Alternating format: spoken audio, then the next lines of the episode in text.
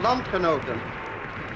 De welhaast vijf jaren tellende onderdrukking is voleinder.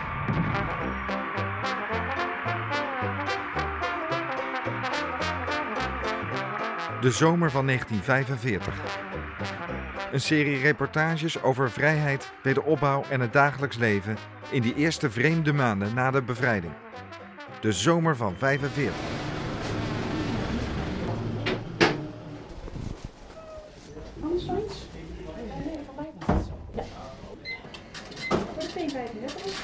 We staan hier in de bakkerij, wat vroeger uh, een klein bakkerijtje was, waar we begonnen zijn, ver voor de oorlog, in 28. Dit was de, de kamer, zou ik maar zeggen.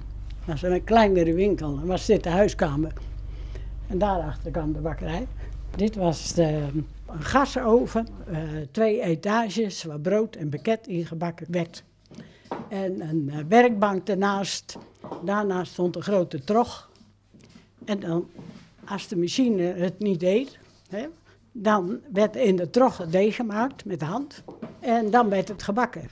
Maar, moet ik nog even erbij zeggen, in de oorlog werd die trog gevorderd door de Duitsers.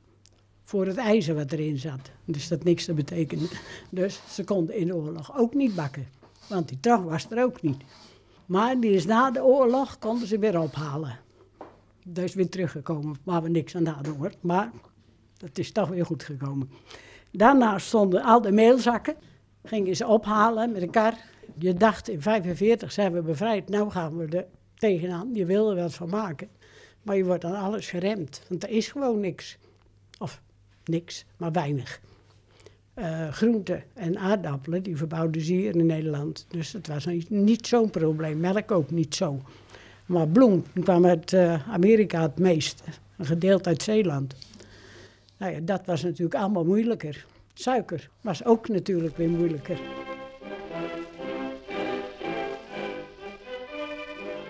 De autoriteiten hebben de verzekering gegeven dat de rantsoenen in geen geval zouden verminderen. Hier zijn nu bijvoorbeeld de rantsoenen in de hoofdstad voor de lopende week. Eén brood. Brood is er nog steeds niet veel zoals u ziet. 9 ons biscuit. Zeer voedzame biscuit.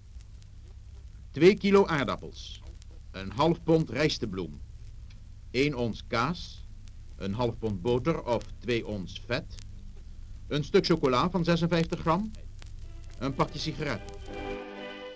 In de Utrechtse volkswijk Witte Vrouwen zijn we te gast bij bakkerij Uiterwaal. De bakkerij was er al ver voor de oorlog en mevrouw Uiterwaal, inmiddels 82, werkte destijds volop mee in de bakkerij van haar man. Hoe was dat als leverancier in die zomer van 45? De bakkers die kregen geen gas.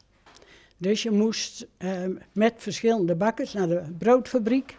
En dan konden we daar uh, ons rantsoen ophalen. En uh, als je zoveel bonnen inleefde, dan had je zoveel coupures en dan kon je brood halen.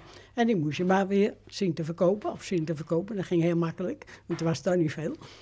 Nou ja, en dan kregen we de bonnen voor. En die moest je weer opplakken. En dan ging je naar het distributiebureau, heette het. En dan kregen we coupures weer. Moest je bonnen inleveren, opplakken en allemaal vellen. Nou ja, en dan, dan kreeg je weer je spullen. Maar eerst moesten we natuurlijk al die jaren bij het anker bakken. En mijn man die moest daar mee heen om het brood te bakken. En dan kon hij zijn eigen brood weer terugnemen en konden we weer verkopen. Want het brood werd gebakken aan de andere kant van de stad? Nee, het was hier het Witte Vrouwensingel. En dan kwam met de grote kar hierheen met brood. En dan kon je verkopen. Dat duurde nog een tijdje totdat er weer gas was. En toen er weer gas was, zijn ze hier weer gaan bakken. En dan kreeg je ook je mail weer toegewezen. Dan konden ze hier weer bakken, man. Alles was op de bom. En uh, als je 16 broodjes nam, dat was één broodbon. En dat 16 broodjes was net zo zwaar als één brood. Als de mensen koekjes wilden hebben, dan moesten ze met een suikerbon komen en met een uh, meelbon en boter. Of ze moesten een stukje boter inleveren en een zakje suiker, ontsuiker. En uh, nou, meel hadden we dan wel. En dan kregen ze een half pond koekjes. Of voor een bruiloft koekjes met een paar gebakjes, zoiets. Maar ze moesten zelf al die likjes meebrengen. Het is toch idioot.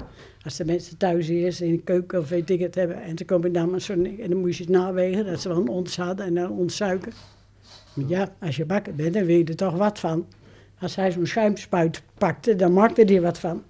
Maar om dat te verkopen, ja, dat haalde niks uit. Want de mensen die kochten dat niet. Want je moest overal bonnen voor hebben. Nou, dan slaat ze wat je deed om dan heel luxe iets te gaan kopen. Maar ja, ze hadden ook feestjes en bruiloften en communiefeestjes. Die waren heel groot hier. Met hele grote gezinnen. Er zijn dingen bij die je nooit begrijpen. Op de stoep voor de bakkerij treffen we de buurvrouw. Met de intocht hier, en eh, weet je wel, vroeger, Ja. Tijd van een ogenblik zaten wij op die tanks natuurlijk, hè. Lekker helemaal En tot in de stad. En sigaretten Nee, weet je en wat ik, nylonkousen. weet je wat ik kreeg? Je zal het niet willen geloven. Ik kwam thuis, zei tegen mijn moeder, ik heb een boterham met spek gehad. Van die jongens. Die gingen eten. Ja, ik kon geen Engels. En eh, nou, die jongens gingen eten. Die boden ons een boterham aan, een boterham met spek. En tot het Vrijburg, toen moesten we allemaal moesten we eraf. Maar ja, die man die had zijn eigen omgedraaid en wij zaten er weer op. Dus, kan jij dus nog herinneren van 45 tot 47 dat er ook niks was? Nee, nee.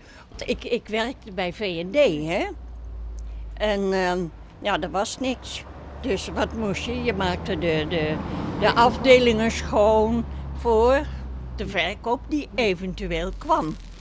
Door het gehele land waren schepen, snorren vrachtauto's en reden treinen om zo snel mogelijk datgene wat wordt aangevoerd tot in de huisgezinnen te brengen. Eh, Als er wat was, dan werd het verdeeld naar Amersfoort verzonden en naar de Viestraat. En dan kwam het daar in de verkoop. Maar dat was zo. Toen ik daarboven in de Viestraat was, ik weet niet of u die zaak nog kent. Nee, natuurlijk niet. Het was een prachtige zaak. Een mooi gebouw was dat, veel mooier dan nu. Balustrades met allemaal de afdelingen. En als ik dan merkte dat er wat in de verkoop kwam, dan zag ik die bedrijvigheid al. Want mijn zus die werkte aan de overkant bij de Gruiter. En dan nam ik een stofdoek en die ging ze te zwaaien uit dat raampje. Tot ze het zagen en dan kwamen ze gauw naar de overkant. En dan gingen ze in de rij staan, want je moest in de rij staan om iets te krijgen. En het is niet zo dat je dan een heleboel tegelijk kon krijgen. Per persoon zoveel. Hè, dat werd verdeeld. Nou, en dan hadden ze weer wat natuurlijk. En als het op was, dan was het op. Klaar.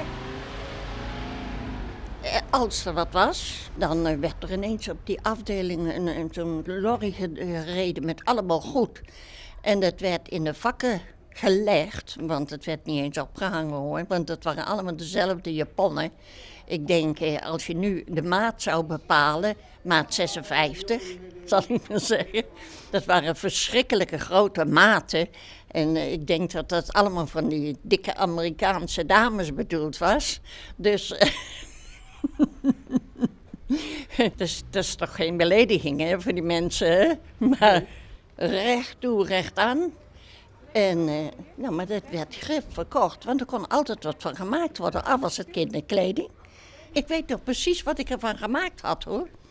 Ik had een gebloemde en een lichtblauwe. En, en, en ik had een, een jurkje gemaakt met een opstaand boordje, met een strikje van boven en pofmouwtjes. Maar die, mouw, die mouwen die waren natuurlijk ook kolossaal, hè? dat snap u wel. Maar dan was u een hele prinses. Ja, bedaag u. Ja, dus, en dan was er een stormloop. Als die mensen dat zagen, dat er iets was, dan, dan vlogen ze die trappen op. Hè? En dan was het ook zo weer weg ook, hoor. Een keer kwamen er allemaal eh flanellen lakens, gestreepte flanellen lakens.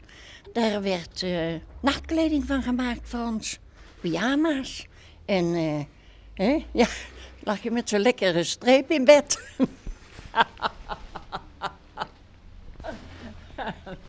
ging dat. Ja. En zo langzamerhand kwam toch het goed wel binnen. En dat werd natuurlijk bij porties verdeeld. Amersfoort kreeg wat, Utrecht kreeg wat.